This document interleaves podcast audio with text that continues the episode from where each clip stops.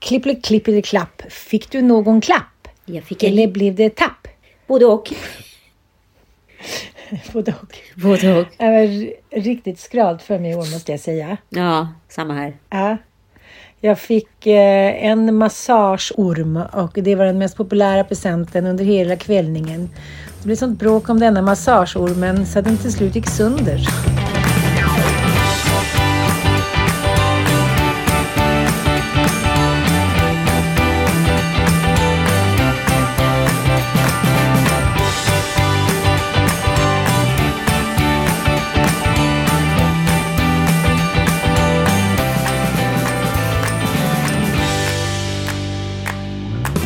Men jag fick en väldigt fin present av Emma, Ilons tjej. Ja, det är tur att det finns en kvinna i hushållet i alla fall. Ja, gode gud. Vi har också kommit fram till under blodsseans att vi kommer aldrig lämna varandra.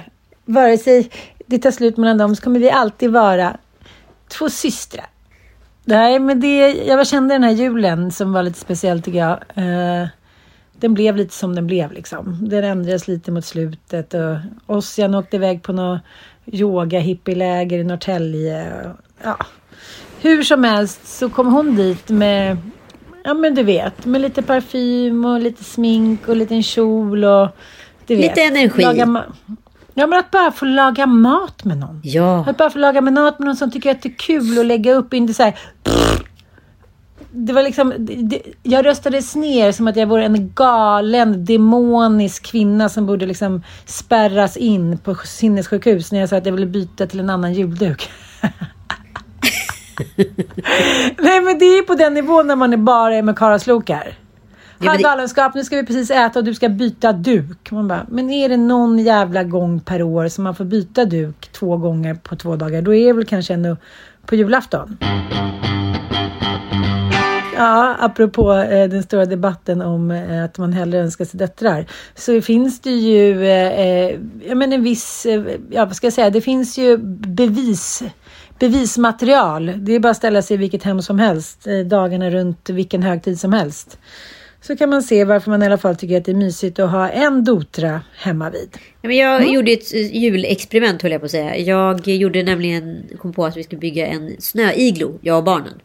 Ett, eh, och det blev ju liksom, det började som en rolig grej. Men så började jag se mer och mer hur eh, rollerna liksom i den här konstellationen, hur man bygger liksom ett arbetslag, vilka som har vilka roller och ja, vi kanske måste göra om lite här för att det blev fel person på fel plats och så vidare. Så man liksom, ja, det lite intressant att se hur de också samverkar eh, och hur vi kan lösa det här problemet tillsammans. Eh, jag kan säga så här, min son fick sparken rätt fort. Dotra däremot, hon hade inga problem med att förstå eh, liksom hur vi skulle lösa den här snöiglon eller snöfortet som det till sist blev tillsammans. Liksom. Men eh, för honom var det mest liksom kasta snöboll och springa runt och sabba det vi gjorde. Precis, det, blev, det är lite som eh, här hemma, någonting ska göras och sen så mitt i allt och bara ser det som att någon har dött. Mitt i rörelsen. Man bara, någon har skjutit min son precis vid diskmaskinen för det är bara halva som är utplockad. Det är som att någonting pockar. Och jag tänker rent historiskt här, i krig och liknande. Hur fan har det ens gått till? Alltså, så här, det, är inte konstigt Det är inte man konstigt att mördat varandra. 500 Det är- man dog varenda gång på ett slagfält. Om det bara hade varit kvinnor så hade det varit hälften och alla hade varit mycket mer effektiva. Precis, okej, vi ser till att döda snabbt här effektivt och sen drar vi hem liksom. Exakt. Hi, I'm Daniel, founder of Pretty Litter. Did you know cats tend to hide symptoms of sickness and pain? I learned this the hard way after losing my cat, Gingy. So I created Pretty Litter, a health monitoring litter that helps detect early signs of illness by changing colors, saving you money and potentially your cat's life. Pretty Litter is veterinarian developed, and it's the easiest way to keep tabs on your fur baby's health right at home. Go to prettylitter.com and use code ACAST for 20% off your first order and a free cat toy. Terms and conditions apply. See site for details. Imagine the softest sheets you've ever felt. Now imagine them getting even softer over time. That's what you'll feel with Bowl and Branch's organic cotton sheets. In a recent customer survey, 96% replied that Bowl and Branch sheets get softer with every wash. Start getting your best night's sleep in these sheets that get softer and softer for years to come. Try their sheets with a 30-night guarantee. Plus, get 15% off your first order at bowlandbranch.com. Code BUTTERY. Exclusions apply. See site for details. Jag gjorde en lång eh, julaftonsquiz med aktualitetsfrågor från året. Allt hur mycket en kilowattimme kostar i oktober till eh, vilken datum drottningen av England dog. Kan du det? Då, var, vänta, nej men gud vad spännande. Eh, vänta, ge mig, var det i oktober? Eh, November? Nej. nej. December? Du kan sluta gissa för är, Nej. det är inga kvar. September? Ja, åh, fjärde försöket. Otroligt bra. Du har Tack verkligen så mycket. Tack för det. jag är ett geni på det sättet. Eh, tionde? Åttonde faktiskt. Ah, så nära. Vad kostade en kilowattimme då i september? Vad det kostade? Vad var snittpriset? Jag, åt, en, åtta kronor. En krona, åtta öre. Jag har fan ingen aning om jag ska vara ärlig. Det blir jävligt dyrt i alla fall har man sett i plånboken. Säg vad det kostar. I september var det 42,3 öre som var snittpriset. Och i november. Mycket dyrare. Och vad köp, vilken summa tror du att Elon Musk köpte Twitter för? Sen ska jag lämna den här quizandet eh, därhän. 10 miljarder. 500 Nej, 200 miljarder, miljarder. 200 miljarder. svenska kronor. Ja, 200 var bättre. Det var bättre. Du Ja, tycker, du tycker han ska pruta lite så att du får rätt. Ja, ja. Jag förstår inte hur man kan köpa någonting. Det, där skulle aldrig, det var väldigt svårt att handla på nätet för jag är lite så här gammeldags. Jag tänker att men jag måste se kon. Jag måste se kon. För att se om tänderna är bruna eller inte. Nej, jag vet inte. Jag är väldigt dålig på att handla på nätet. Jag tycker fortfarande Du att det menar alltså handla på någonting. nätet jämställer du med Elon Musks köp av Twitter? Det är ändå spännande. Ja. ja, jag tänkte på det eh, när jag kollade på eh, låg och plöjde eh, hela eh, förra säsongen av säsong sju, sista säsongen blir det väl av eh, Solsidan. Ja. Eh, allra mest för att jag hade legat och spytt från typ 12 till 7 och var alltså på riktigt så utslagen som jag inte trodde att en, en människa som kan kräkas kan bli. Jag vaknade liksom sex på eftermiddagen och var så här Tack Gud för att jag överlevde. Alltså att kräkas på det där sättet. ja, så hemskt. Nej, men när det inte finns något kvar. Man bara, varför ska, varför ska jag nu kräkas? Eftersom det inte finns någonting mer att kräkas upp. Det har vi ju märkt både du och jag, kroppen nu här de tio senaste gångerna inne på toaletten. Att det inte fanns något kvar. Och ändå mår man så jävla illa så att man liksom dricker vatten och stoppar fingrarna i halsen. För att det, det är för smärtsamt bara. Det är för jobbigt att må sådär. Ja, ja, nej, men alltså de säger ju att att ha en riktig kräksjuka, det är att vara så nära döden som möjligt i känslotillstånd. För man vill ju nästan bara dö. Alltså så här, Mm. Ja. Det var feberyror. inget ljus.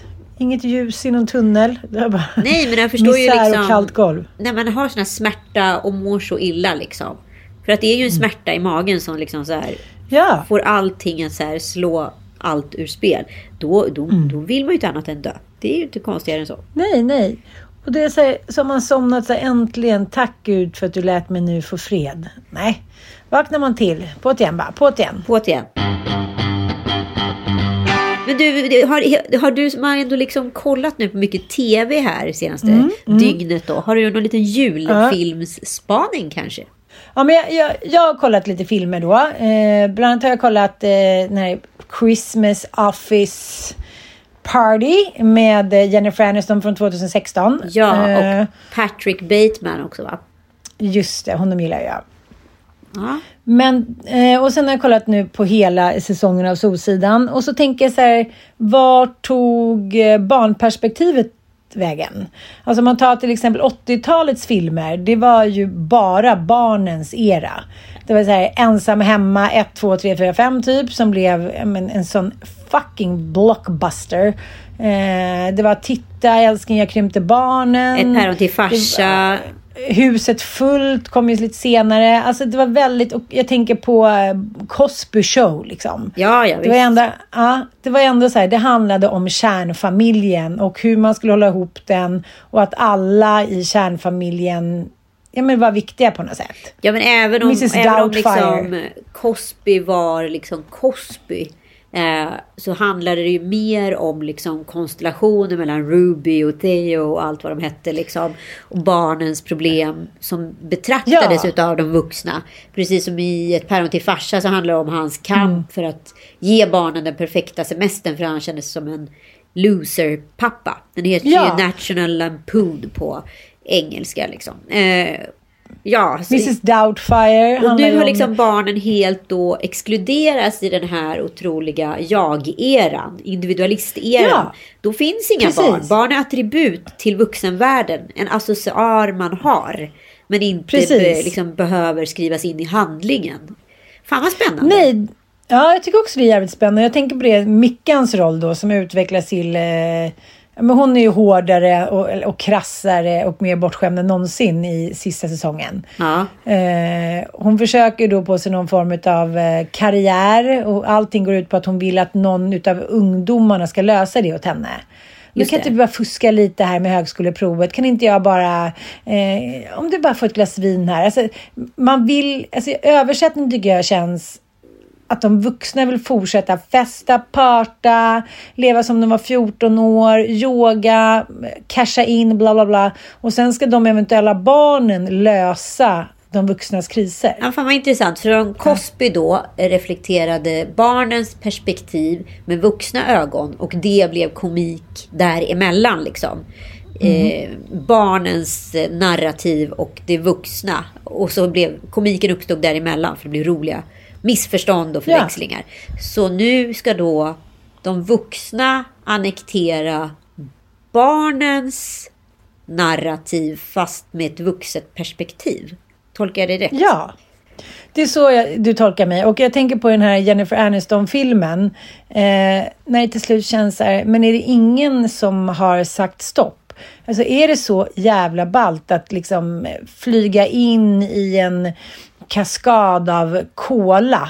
Liksom, någon trodde att det var någonting annat, men eh, han den där som skulle köpa företaget, han råkade få liksom en hel fluffemoln av coke i ansiktet och då ville han köpa he hela företaget för det var hans roligaste kväll. Liksom. Hur galet det än blir, som det blir för barn i många film och tv-serier, att de gör tokiga grejer och ramlar ner och ska åka på lina och bla bla bla, så är det ändå på grund av att de är barn. Man kan skratta om det för att man är vuxen och ser det ur en vuxenperspektiv att ja men they're, they're just kids. Det är klart att sådana här grejer händer.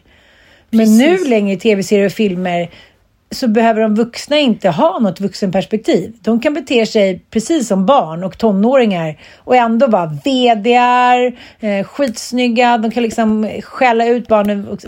Man har liksom bytt roller. Alltså, du gör ingenting för mig, du ger mig ingenting. Det som ger mig någonting är att jag direkt ska få träffa en ny tjej som jag ska ta hem. Vi får hålla på och knulla här nere i källaren. Eh, alltså, man, man tycker att man är berättigad till att leva ett liv som inte bara handlar om att vara förälder. Och då måste barnen på något sätt så här, de måste hamna i skymundan. Ja, alltså spännande. För jag tänker också på 80-talet då som eh, alltså de här filmerna som då familjen liksom helt tyst gick in i en mm. Volvo utan att kommentera att de åkte Volvo. Man förstår bara att familjen färdas säkert på vägen i en Volvo. Mm. Inga ord förklaras under tiden i den här eh, julfilmen eh, Office Christmas Party så säger de till och med repliker som är liksom citerade direkt från det koreanska liksom, eh, motormärket Kia. Mm. Vad är det de säger? De säger...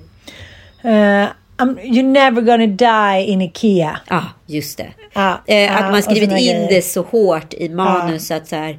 Mm. Det blir, alltså jag kan ju inte kolla på sådana filmer. Det går ju inte. Då vill man aldrig vilja ha Nej. en Kia. Man får aldrig översälja. Varför lär sig aldrig Nej. branschen detta? Och det är liksom, det är, så här, det är sånt överspel av allting. Att det ska liksom, ja men det är bilfärd, det är hose, det är liksom, eh, men folk, eh, någon ren, eh, liksom står och dricker inom toaletten. Alla, de har hackat in sig i varandras system för att ta reda på vad de här tjejerna har för intressen.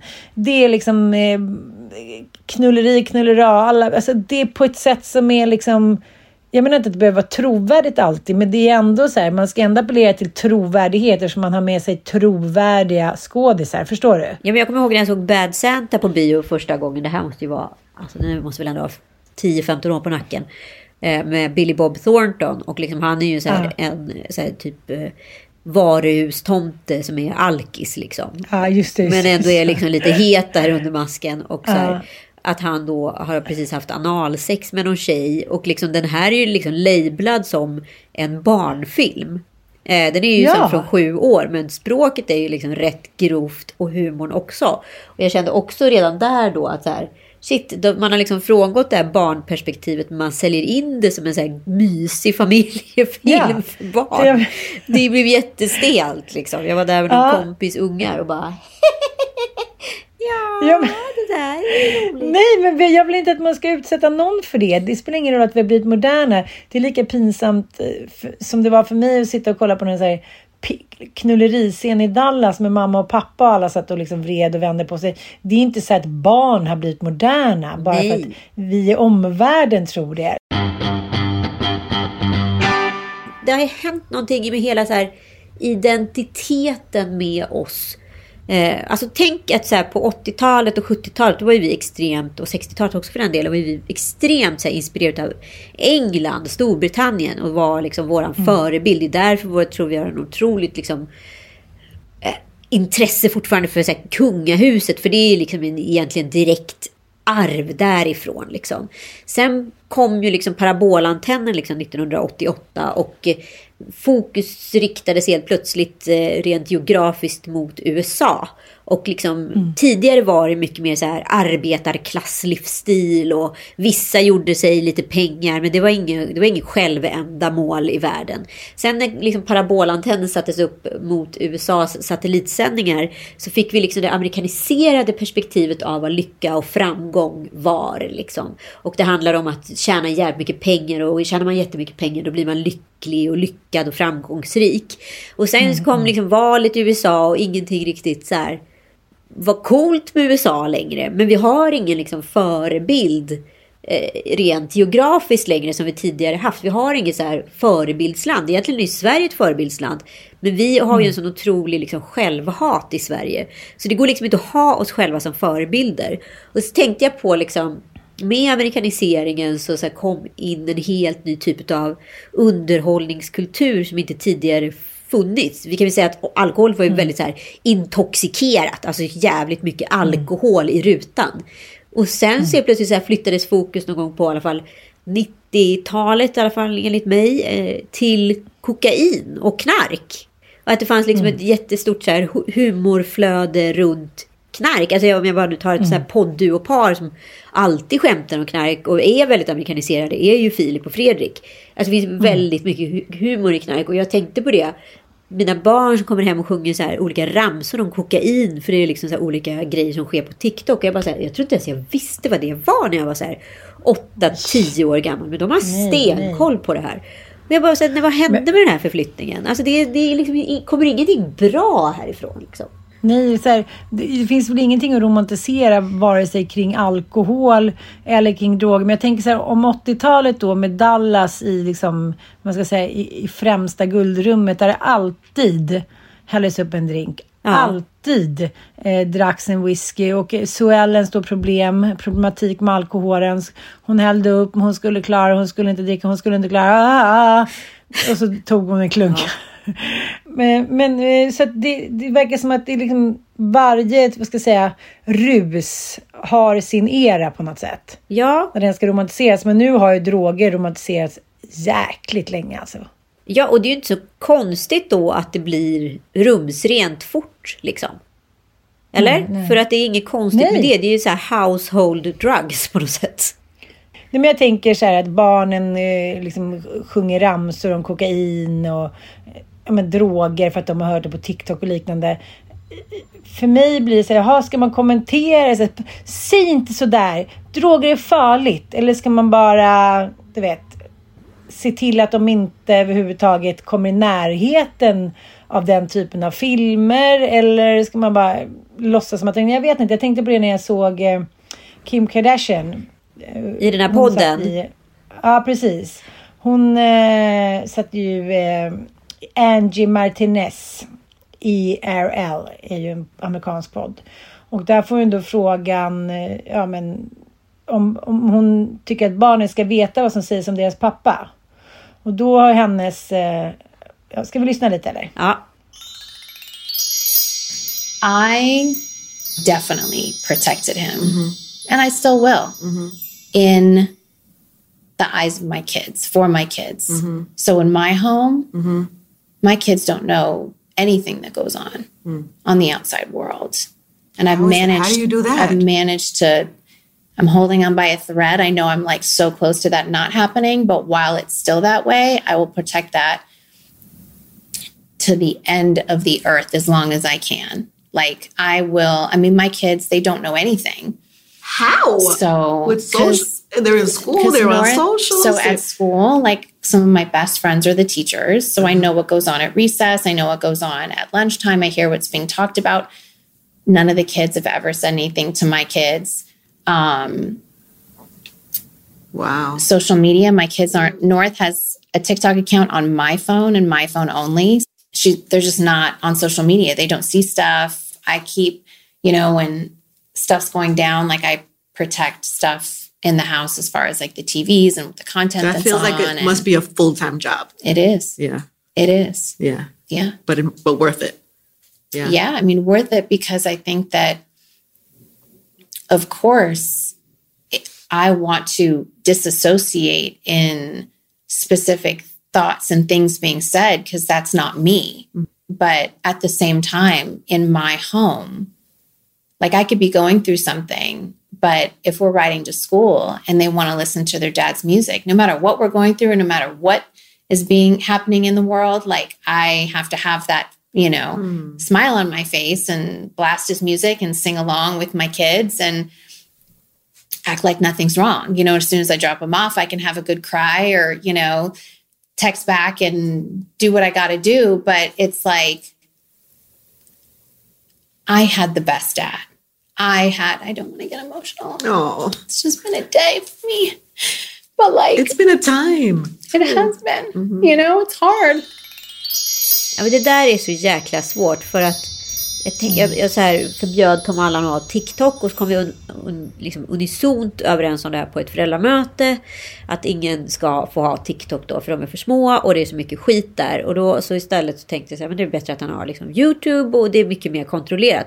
Och Snapchat. Men nu har ju både liksom Snapchat och YouTube byggt om sina algoritmer så att de funkar exakt likadant som TikTok. Så samma skit som är på TikTok finns nu på YouTube och Snapchat. Så att så här, jag bara upptäckte att det är så jävla svårt att skydda barnen från tekniken. För tekniken hela tiden outsmart you. Och jag tror inte att det går att skydda Northwest från vad som sägs Nu är de ju väldigt små. Hon, hon är väl... hon Ja, fyller North åtta, är ju va? Nio. Ja, okej, okej. Nej, men jag bara, det blir ju också lite som att här, det blir ju en, en spelad värld. Det, det blir som att eh, hon utesluter ju dem från riktiga relationer på något sätt. Om alla ska spela ett skådespel kring dem. Och det är som hon säger så här, ja, det är en, det är en heltidsjobb att hålla dem undan från så här, information. För, för, för vad som sägs om deras pappa liksom. Ja. Men så här, det är alltid kaos kring honom och det är så, jag vill skydda dem från det. Ja, jag vet inte. Hon, så återkommer hon till sin egen pappa då, att han, han var så fantastisk och de har så många fina minnen tillsammans och liksom hon vill att hennes barn också ska tänka på sin pappa på det sättet. Och här tycker jag att vi har ett litet så här, det här tycker jag är ett återkommande fel. Att bara för att ens pappa eller mamma eller partner eller vad det nu handlar om har en turbulent tid där hen då kanske är, ja, är ett arsle på grund av psykisk sjukdom eller bara för att hen är det. Förstår du vad jag menar? Ja. Att de tycker sig ha rätt och hamnat i någon maktfull positionering. Så betyder inte det att hen blir en sämre människa för dem. Alltså han blir förmodligen inte en sämre pappa gentemot dem. Det är, det är nästan så som jag tycker att det läggs fram. Att så här, måste skydda dem, att han säger de här grejerna hiten och ditan. Ungefär som att då kan inte de ha några fina minnen av honom. Jag, jag får inte riktigt Nej, alltså jag, jag kände också att det var så otroligt så här, mediastrategiskt eh, beslut Ja. för henne att vara med. Allt, allt hon gör är extremt medvetet. Så att, att bryta ihop i den där podden och vara extremt medveten. Eh, det det liksom rentvår ju henne också från skulden rörande Balenciaga. Det rentvår henne från att så här, ta ansvar för Kanyes handlingar. Vi pratade om det för bara några poddar sedan. Undrar mycket så utav det här som fläckar ner Kims varumärke. Och här har hon ju precis tvättat sin egen byk genom att så här indirekt sälja ut Kanye som att han är den samma liksom outraging person som farsa. Det kanske han inte alls är. Med det sagt så vet vi ingenting. Det kanske är mycket mer som i mellanregistret här som inte sägs. Eh, Precis, och det är ju klart att det är stressande att leva med en person som är så utåtagerande. Jag ska inte säga att jag har varit med i samma situation, men i skilsmässan så var det liksom stundom jävligt liksom stressande för mig med att liksom, det offentliga liksom, och vad, vad liksom, som sades där. Och hur det formulerades i media. Och jag fick sjukt mycket så här panikångestattacker och tyckte att det var apjobbigt. Samtidigt så visste jag att så här, det är ju inte det barnen upplever eller ser. Liksom. Så att så här, varför ska, varför ska det röras ihop liksom? Jo, men jag tänker också hennes samarbete med Balenciaga. Som hon har uttalat sig. Nej, det här var inte bra och barn och det här passar inte ihop hit och dit. Det är som du säger, jag tror att här handlar det kanske mer om att tvätta sin egen byk.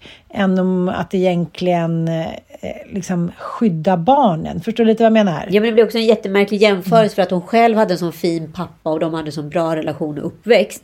Men liksom, Kim har ju valt en helt annan typ av man än hennes pappa. Eh, hon har också valt ett helt annat typ av liv än vad hennes mamma har gjort. Liksom. Och med det kommer konsekvens. Så det är helt, alltså det är en orimlig önskan att vilja få en sån typ av uppväxt åt sina barn som hon själv fick. För hon har ju redan, hon har ju redan omöjliggjort det liksom. I samverkan Ja, det är med ju redan för sent. Liksom. Ja. Ja, ja, ja. Ja, men precis. Verkligen. Och det kommer aldrig kunna bli liksom något puttinuttigt, privat. eh, Har liksom innanför ja, men, vi och familjen uppväxt. För att det har allting skett inför öppna dörrar. Så jag vet inte. Det är som du säger, loppet är ju redan kört. Jag Ja, precis. Så jag vet inte varför hon åberopade den jämförelsen överhuvudtaget. För jag tyckte det var så här. Men varför säger hon ens det här? Det är så irrelevant.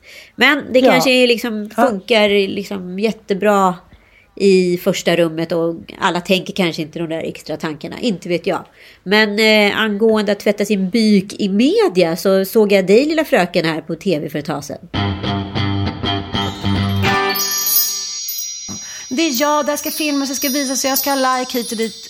Att vi glömmer bort att här, det är ju en, en människa som ligger där som mår dåligt. Hur kan första tanken vara att filma istället för att hjälpa? Jag trodde det verkligen var min bästa kompis. Jag skulle aldrig gå utanför min dörr annars.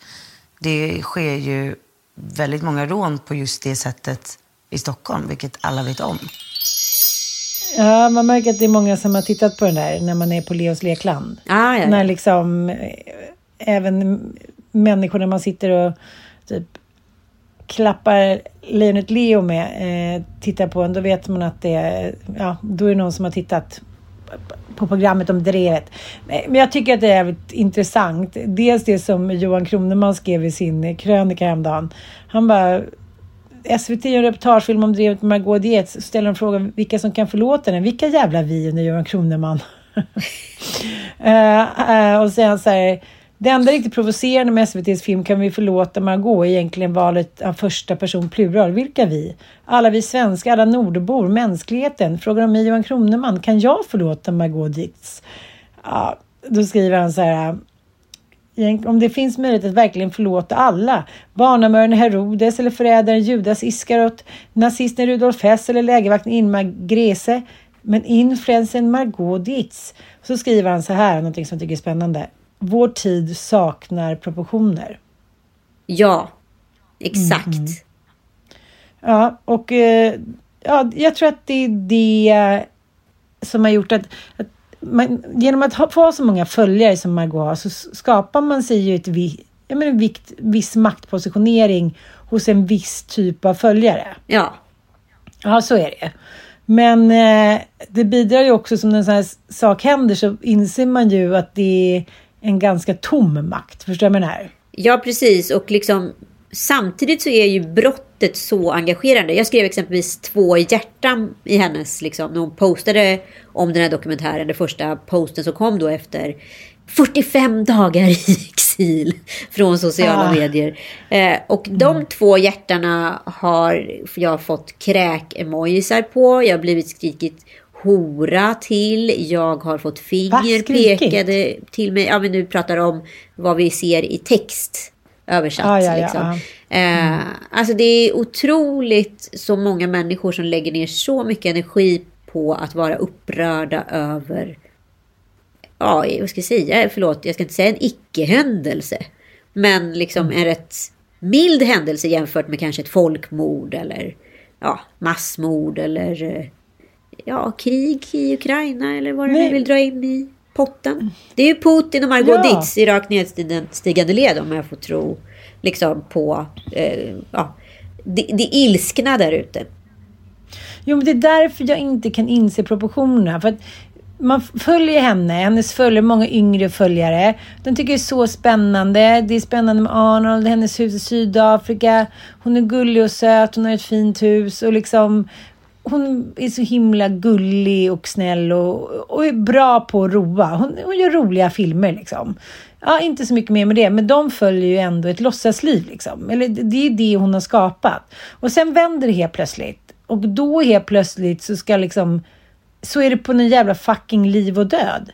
Men det är ju tillbaka ska- till det här perspektivet som vi pratade om tidigare. Ja. Att barn tidigare Huvudet på har ett blivit... fat. Ja. Skjut henne typ. Ta barnen ifrån henne. Ta hennes lägenhet ifrån. Varför sitter hon i sin fina lägenhet? Hon ska sitta i en koja med typ löss och ja men du vet smutsig hy. Hon ska hon varit med Utvandrarna och där ska hon gråta och snora och be om ursäkt.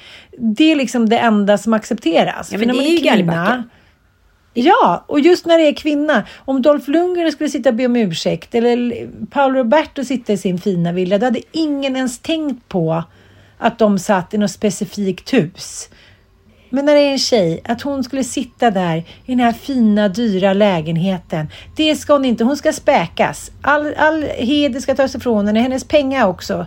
Hon ska slängas ut nu på Hobacken. Ja, det är ju verkligen Precis, eh, ja. liksom urkrafter i människor som hatar kvinnor som, på ett sätt som man... Ja, Jag tror faktiskt inte man kan hata män på samma sätt. Alltså det finns inte samma... Jag tycker det är hela liksom... trenden.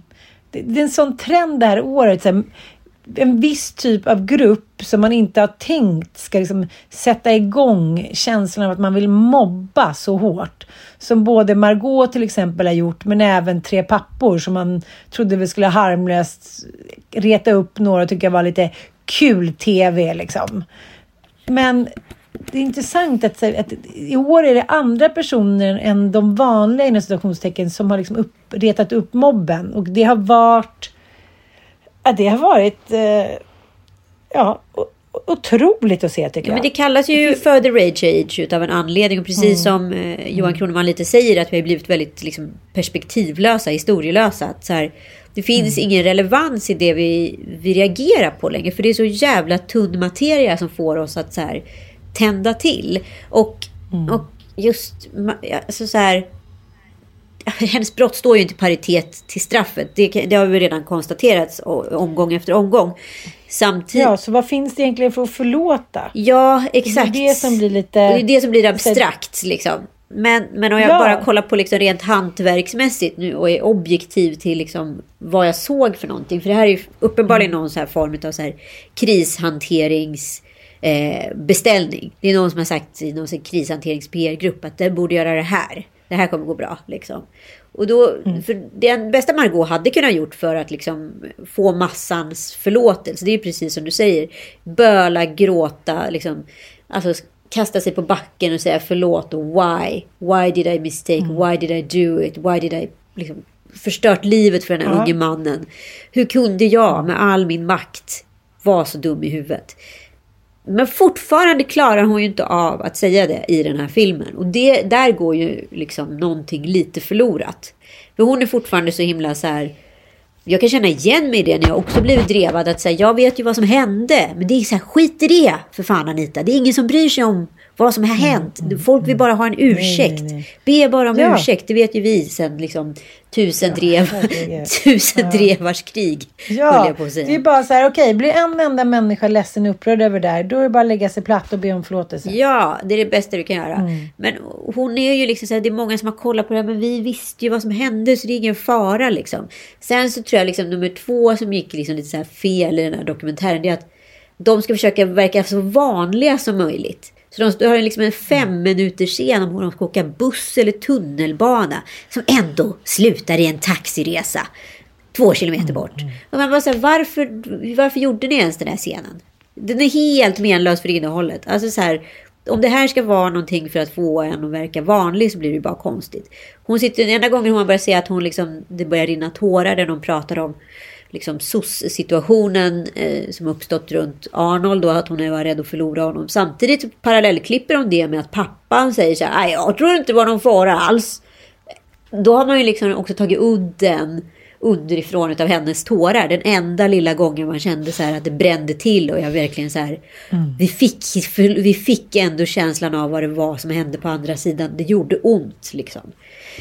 Eh, Men, men de, de har ju skapat sig ett låtsasliv. Det är inte det som är hela utgångspunkten. Det är så många som har ett låtsasliv. Så när det blir då repressalier eller folk börjar reagera.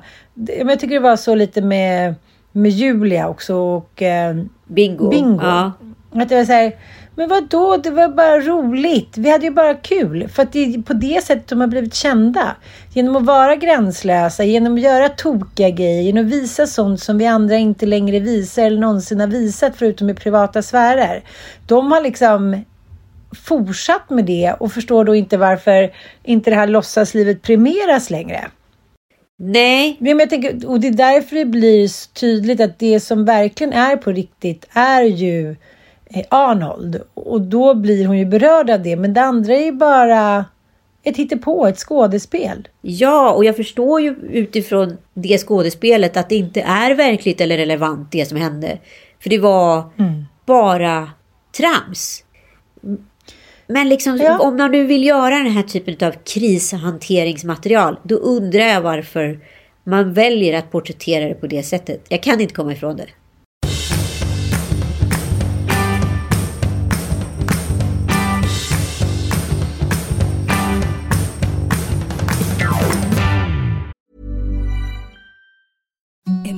The softest sheets you've ever felt. Now imagine them getting even softer over time. That's what you'll feel with Bowl and Branch's organic cotton sheets. In a recent customer survey, 96% replied that Bowl and Branch sheets get softer with every wash. Start getting your best night's sleep in these sheets that get softer and softer for years to come. Try their sheets with a 30-night guarantee. Plus, get 15% off your first order at bowlandbranch.com. Code BUTTERY. Exclusions apply. See site for details.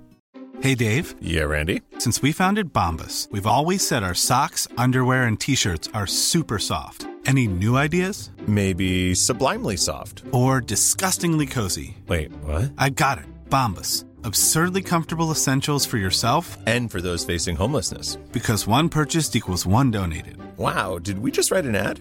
Yes. Bombas. Big comfort for everyone. Go to bombas.com slash ACAST and use code ACAST for 20% off your first purchase.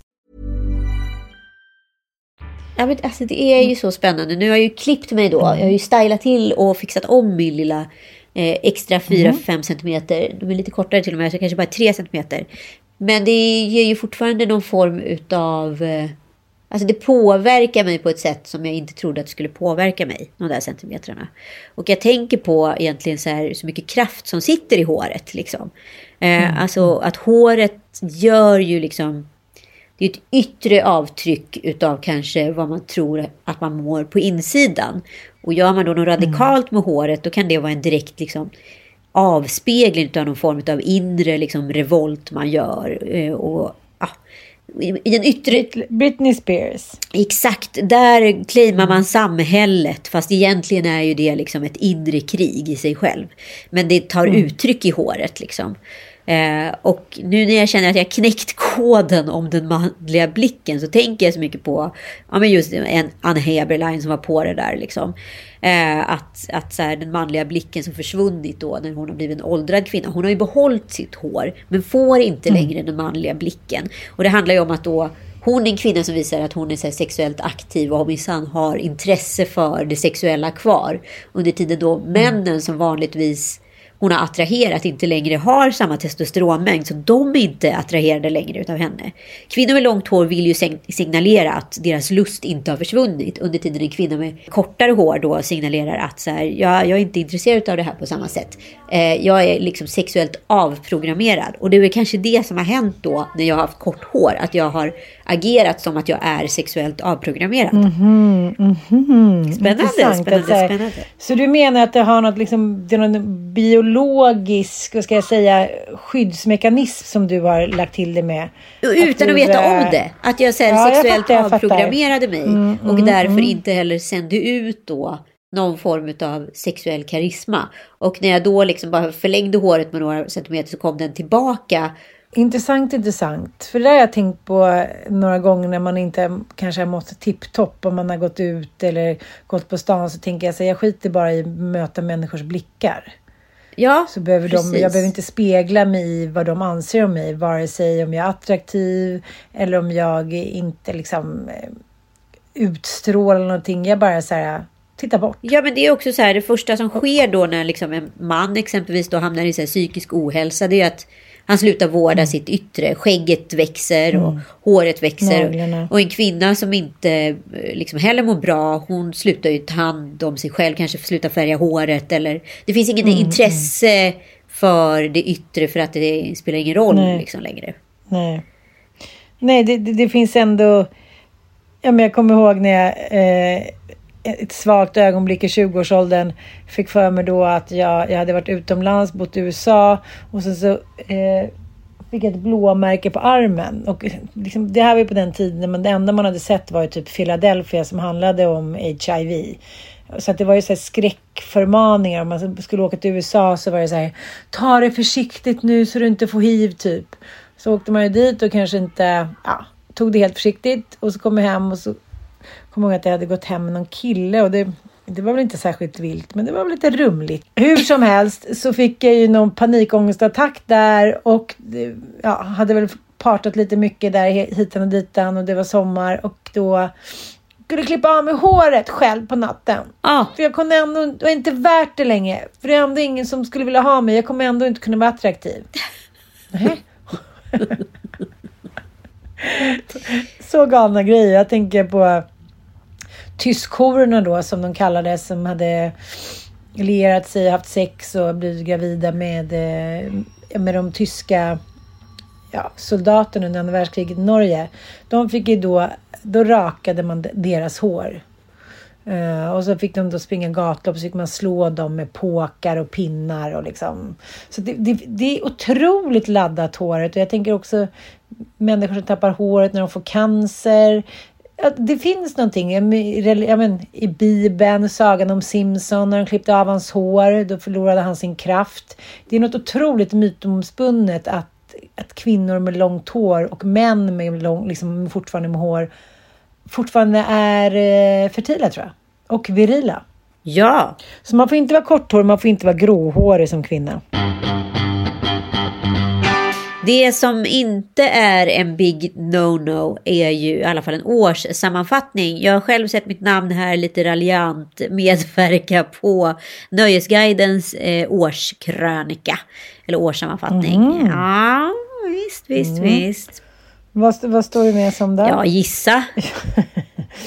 eh, Instagram-skökan. Nej, Ebba Busch portas Nej. från Elgalan och hennes Ja, plus en Anita Clemens slår fast att det är ett demokratiproblem. Lite roligt tycker jag. Mycket roligt. Vad, vad, vad, vad var det största för dig det här året? Det har ju varit ett rätt så stökigt år, kan inte du känna det? otroligt stökigt år. Men, men eh, jag tycker mitt eget år har varit liksom eh, ett väldigt mellanår alltså. Ja, Jag tycker det, ja, jag har inte känt mig eh, särskilt kreativ eller på hugget eller det har mer varit ett så här, jaha, nu kan det väl här året bara gå så jag får börja om ungefär. Ja, det här har ju varit tigerns år enligt liksom, ja, kinesiska zodiaken som jag är väldigt förtjust i. Och det är Ja, ju ett ja. väldigt liksom, krigiskt och lömskt år. Och när som helst så Mm. kan det komma liksom, en attack från höger och vänster. Och, det har ju verkligen stämt. Eh, och nu går vi in Ja. då den vad det, 22 januari i kaninens år som ska vara ett otroligt kreativt, varmt, mjukt och liksom attraktivt år. Eh, och Mycket det känns som att det är på tiden. Alltså det är ett mycket mildare klimat som kommer komma in i, i liksom hela året. Sen kommer det eventuellt bryta ut ett krig i, eh, runt eh, juli där någonstans. Men det, det verkar inte kanske vara som att det påverkar oss direkt. But I don't know. Men jag tycker i alla fall att så här, det har ju hänt otroligt mycket. Vi kan bara kolla lite här på, på vad heter det, Nöjesguidens lista. Att, eh, ja, Björn Natthilko Lindeblad dör ju där i januari och det blev ju en otrolig grej. Dels för att han eh, var helt öppen med att han eh, ja, valde att avsluta sitt eget liv, precis som hans pappa hade gjort ganska kort eh, tidigare. Och eh, vilken tröst han hade givit så många människor genom att vara så öppen med det verkligen. Det, var liksom, ja, det tycker jag var en gärning måste jag säga. Vi svenskar är väldigt, väldigt, väldigt rädda för döden. Så är det bara. Ja, och jag tycker i alla fall att en diskussion, intressant diskussion har kommit upp på bordet om det här med ur ett sånt sekulariserat land som Sverige är, är så rädda för dödshjälp. Det borde ju liksom gå hand i hand att vi inte tvingar människor att lida i tio år utan att bli friska exempelvis. Jag håller med. Sen i februari då, då måste jag ändå säga att jag eh, hyste mycket stort intresse för Victoria prins Daniel. Snickersnacket kring eh, deras eh, eventuella skilsmässa då. Men det där var också så jävla spännande för det var ju liksom rätt snackigt i Stockholm. Men kommer man till Gävle så var det ju ingen som kände till det här snacket överhuvudtaget. Men sen när de själva då gick ut och gjorde någon form av pressmeddelande och statement runt de här ryktena som faktiskt Stoppa pressarna hade dragit igång. Eh, Då blev det en grej. Det där är så jävla intressant när man gör liksom du- om du bara hade liksom lagt locket på, då hade det bara liksom ebbat ut. Och så hade det varit ett tisseltassel på Östermalm som också hade ebbat ut. Och sen så måste jag säga ett annat tisseltassel från den månaden. Det var ju liksom att eh, vår, våran alla älskling Nils van der Poel, han eh, gjorde ju liksom Grand Slam, kan man säga så, i OS i Kina. Och sen gick det också rykten om honom och Little Jinder. Det tyckte jag var rafflande. Va? Ja, men sen så måste vi lyssna på eh, en annan, måste nästan säga skandal som skedde i februari. Nämligen det här. Ja, men den gråtande Alexander Pärleros. Ja, som har drömt en mardröm att han är ukrainsk soldat. Förlåt, men vad hände? Vi vet inte riktigt. Alltså det här är väl också så en klassisk grej. Ofta så är det ju liksom att man kanske egentligen är liksom ledsen för någonting annat. Han hade ju fått lite attacker där innan för att han varit uppviglat till antivaxning och såna där grejer. Det hade ju varit rätt Just det, drevat just det, runt honom. Men det hade han ju inte Du försvarar pudlat. honom, du försvarar honom. Nej, det hade han ju inte pudlat Mm. eller bett om ursäkt för. Det är kanske en typisk här manlig grej. Man, man pudlar inte men så börjar man gråta för något annat och då flyttar man fokus helt plötsligt. Mm, jo, jo. Så det kanske var värt det. Ja, men det var ändå spännande. Men sen kommer vi till årets skandal måste vi ändå säga sker i mars. Och det är Aha. inte Melodifestivalen i USA. Eh, som vi skadeglatt följer med sjunkande tittarsiffror som Frasse skriver Levin. Nej, den. Utan det är Will Smith som örfilar Chris Rock på Oscarsgalan. Vi ska lyssna lite. Otroligt. Oh, wow. Wow. Will Smith just smacked the shit out of me. My wife's name out your fucking mouth. Wow, dude. Yes. It was a G.I. Jane jump. Keep my wife's name out your fucking mouth. I'm going to, okay? Nej, men det var ju liksom sensationellt. Dels för att man först tänker sig att det här är uppgjort. Eh, sen, så här, jag är riddaren av runda bordet. Jag har liksom slagkraftig och modern och tuff kvinna som eh, nog inte blev superglad över att jag skulle gå upp och klappa till någon till hennes försvar. Dels är han komiker och använt sig av den där typen av, vad ska vi säga, så här, ge sig på den som står närmast polan Per tusen gånger. Nej, det var liksom så mycket som var fel och igen då, då psykisk ohälsa kan vi väl här röra detta till, eller? Ja, alltså allt har ju liksom beteckningen psykisk ohälsa idag så jag vet liksom inte riktigt var det börjar eller slutar. Du menar att det är ingen claim to fame? Det är, ingen så här, det är ingenting man kan skylla på nej, längre? Nej men vadå? Ja, ja, det blir, alla har fått tagit ansvar för det tidigare. Så varför ska mm. alltid, allting bara så... Ja, ah, nej, men det är lugnt. Det är psykisk ohälsa. Ja, men om mm. du är ett arsle så är du väl ett arsle. Det är väl ingen, det är väl ingen ursäkt i sig, eller? Nej, det är en måttstock på allting tycker jag. Det verkar folk inte förstå. Det är så synd om Kanye. Han mår så dåligt. Ja, men han beter sig som ett arsle, vad är grejen? Vidare då, mars, april, där har vi dig och Ebba. Visst, jag var dessutom med i Sofia Dahléns, vad heter det, eh, podd och pratade ut om Ebba-skandalen. Så att jag känner att det mesta är sagt. Eh, ja, I maj så har vi dels Zucchiniturken. Um, och sen har vi ju eh, den här Klistermannen. Skulle du vilja prata lite om honom? Ja, alltså det är otroligt. Det handlar om eh, en eh, klimataktivist som limmar sig faktiskt fast i golvet bokstavligen under direktsändning av Sverige möts och ropar jag är limmad, jag är limmad. Per-Arne Karlsson. Eh, nej men jag, vi eh, försöker ju jag är limmad, jag är limmad! På, på snabbast möjliga sätt att ställa om vårt raffinaderi från beroendet av fossil råolja. Väldigt roligt. Först ändå inte, men jag fattar. Det är roligt. Ja, det är ändå roligt. Allt sånt där när man så klär av sig eller sätter fast sig eller skuttar upp på någonting är ändå roligt. Ja. Ja, men sen tycker jag ändå att i juni då, då rasslar det ju till. Ja, dels här rasslar det till. Ja, dels så vad heter det eh, har ju Katrin Zytomierska då en beef med Gerard Piqué tillika eh, Shakiras ex och fotbollsspelare.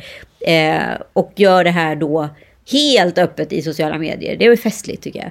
Ja. Eh, och sen så händer ju en, en, den absolut, det tycker jag nästan är årets höjdpunkt. När Dominika Persinski och Anders Borg plötsligt skiljer sig för över en charkbricka. Nej, det, det, här är så sensationellt. Jag tänkte att det, det är liksom det som han skulle bli ihågkommen för var då den här festen ute i skärgården där han blir lite för pakirt och kör en eh, Ja, för, för tidigare tänkte man ju ändå att en fantastisk finansminister, kanske den bästa vi har haft. Men sen hände ju festen. Och sen så hände det här. Ja, men, men det här är... Det överträffar allt. Helt sensationellt. Det här överträffar allt. De sitter... Eh, hon tycker då, eh, Dominika, att han inte uppmärksammat henne tillräckligt. Hon skickar in en skilsmässoansökan Via BankID godkänner den och tvingar honom också att godkänna den. Nej, men alltså... Nej, va? Nej, det är sensationellt. Eh, samma vecka så meddelar de dem att de fortfarande är ett par och att Dominika kanske... Ja, det är fortfarande den bästa sexigaste mannen som hon vill leva med resten av livet. Men du måste ändå förstå, vi måste ändå prata lite om nu att det vi brukar säga att allt är politik. Ha, ja, Borgens anseende, han är ju den mest ansedda finansminister som Sverige har haft historiskt. Ja, ja, ja. ja. Nej, Nej de, är, de är festliga. Nej, det var inte bra. Det har också Nej, spexats en del på Anders Borgs Instagram till allas plågsamma eh, åsyn. Och vi liberaler är ett borgerligt parti och utan vårt mandat så blir det inget maktskifte. Och Liberalerna vill ju ha en moderat statsminister. Eller hur Anders? Visst vill Liberaler ha en moderat statsminister? Självklart älskling. Sa ju det. Ja, det var ju så här att Dominika kandiderar ju alltså till eh, att bli då någon form av eh, ledarmot i riksdagen för eh, ja, Liberalerna. Och hon spelar alltså in en spexig film om det här, ackompanjerad då utav Anders Borg. Som sänds på hans Instagram. Och sådana här grejer ska man ju kanske som politiker undvika i mesta möjliga mån. Eh, för det blir ju sällan kul när politiker skämtar Juli så var det ju eh, inte mycket som hände faktiskt. Uh... Jo, det var det ju. Du fyllde ju år. ja, det är för sig. Det var otroligt. Det var ju årets största händelse. För mig. Och Drake blev också frihetsberövad för Mariana-innehav, eller hur var det? Mm, De rökte braj på Berns. Ja, just det. Och där, det är inte det värsta som hänt på Berns, ska jag säga. Men eh, vi går snabbt vidare. Magnus Uggla klipper håret för första gången. Eh, Östermalms enda söderkis. Mm. Jag eh, hamnar på Håkan Hellström på Ullevi och eh, nej, jag måste ändå säga att jag smulas sönder under kvällen till ett eh, ja, stjärnögd fan. Ja, nu kommer vi också till det här, en fråga som var med i min julquiz. Eh, Sanne Marin, där, eller Sanna Marin, hennes gängs namn, vad var det de kallades? Var det pulvergänget, var det mjölgänget eller var det snögänget? Vad säger du Ant? Mjölgänget. Rätt! September kom in på en, en stor eh, skandal igen. Eh, det är Katrin Zytomierska som firar sin födelsedag med sin Pimps and Hoes fest. Visst. Men jag måste ändå säga att det är också första gången som Ebba Busch viftar med sin falukorv. Ja. Ändå historiskt. Ja. Jag, jag aldrig förstod ju aldrig riktigt så här falukorvsgrejer, men eh, vad, vad, vad, vad ville hon säga? Nej, men hon ville säga då att det har blivit så dyrt i Sverige under senaste året så att eh, man har inte ens råd med en billig falukorvsluring. Och sen en av de stora grejerna som hände i oktober, eh, förutom att Bianca då får en egen talkshow, eh, självbetitlad, eh, är ju att Jan Emanuel fimpar efternamnet Johansson. Det tycker jag ändå var... Det är ändå årets händelse. ja, eh, och Molly Rustas tar taxi mellan Stockholm och Paris. Skulle jag också gjort om jag hade pengar. Ja, absolut. Det var ju bara Ja. så att det, det var ju också otroligt kul. Det var ju faktiskt, jag tror att det var Tramsfran som uppmärksammade det. Att hon hade då lagt upp bilder med geotaggen Paris. Men sen så hade hon fotat då det här. Mom deserves the best, and there's no better place to shop for Mother's Day than Whole Foods Market. They're your destination for unbeatable savings, from premium gifts to show-stopping flowers and irresistible desserts. Start by saving 33% with Prime on all body care and candles. Then get a 15-stem bunch of tulips for just $9.99 each with Prime. Round out Mom's menu with festive rosé, irresistible berry chantilly cake, and more special treats. Come celebrate Mother's Day at Whole Foods Market. Even when we're on a budget, we still deserve nice things. Quince is a place to scoop up stunning high-end goods for 50 to 80% less than similar brands. They have buttery soft cashmere sweaters starting at $50, luxurious Italian leather bags, and so much more. Plus, Quince only works with factories that use safe, ethical, and responsible manufacturing. Get the high-end goods you'll love without the high price tag with Quince. Go to quince.com slash style for free shipping and 365-day returns. här i en Taxi Stockholm-bil i Stockholm. Älskar sånt. Jag älskar sånt. Mm. Jag med. Mer sånt. Ja, verkligen. Mm. November blir vi lyckliga för att vi kollar på en bra film. Vilken då? Eh, eh, Triangle of Sadness. Ja, exakt. Ja, och Margot Dietz Mm. har vi ju redan ja, konstaterat eh, sket i det blå skåpet. Mm.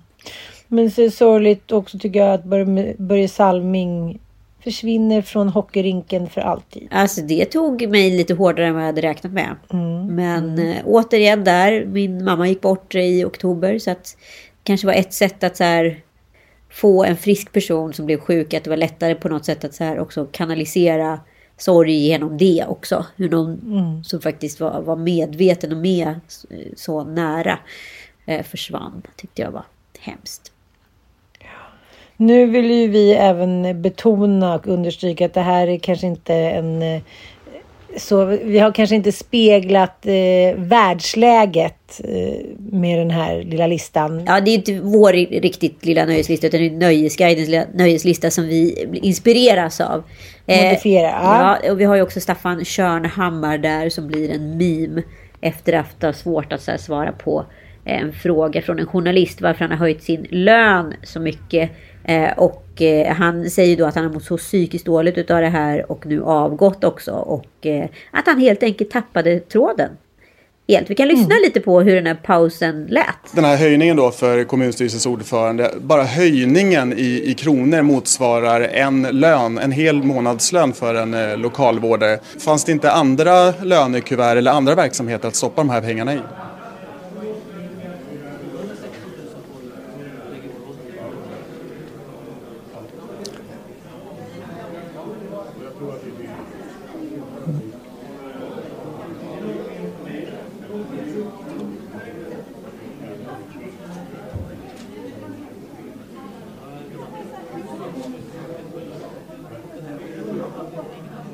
Det är ju alltid en fråga om prioriteringar. Kan vi konstatera att det här är året då väldigt många tappade omdömet?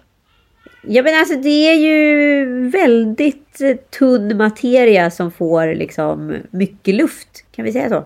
Mm.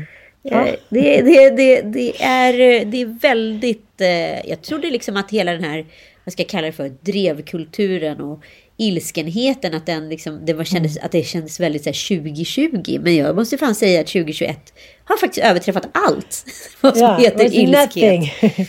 Det var verkligen en fjärt i Köris mage 2020 om man jämför med det här året. Ja, och sen så för att då knyta ihop säcken så måste vi ändå då säga om det började med Björn Attilkos eh, Lindeblads bortgång så jävligt snabbt kom då Navid Modiris bok ut om honom. Eh, och Inte helt uppskattat verkar det som utav familjen i fråga. Nej, det var inte uppskattat av hans familj och det gick väldigt, väldigt fort. Och jag, jag undrar lite, jag känner ju Navid, jag borde fråga honom varför var det nödvändigt att det skulle komma ut så himla fort? Ja, det, jag tycker Och det, det- har kommit många ursäkter men ingen förklaring. Men, ja, Nej. kanske är så och ibland. bara. en utav, ja det kanske är så, men han fick också en utav årets mest dräpande recensioner. Ja, och tack snälla ni lyssnare för att ni hänger med oss in i 2023 och fortsätter lyssna. Vi har, pratar fortfarande om att vi kanske ska åka, åka på vår tioårsturné ett år för tidigt. Ja, om ni tycker att det låter som en bra idé, snälla säg det till oss. Det är jag som försöker tvinga Anita att vi ska åka ett år tidigare. Ja, jag är fortfarande otroligt skeptisk. Men eh, det är Jo, jag året vet. jag fyller 45. Vem vet, allt kan hända. Nej, men jag känner också, efter det här skitåret så tycker jag att vi måste liksom gasa. Ja, det kanske är så. Ja. Mm. Gott nytt år hörni och tack för att ni lyssnar. Det betyder otroligt mycket för oss. På alla olika sorters sätt ska ni veta. Puss och kram! Puss och kram och gott nytt år! Gott nytt år!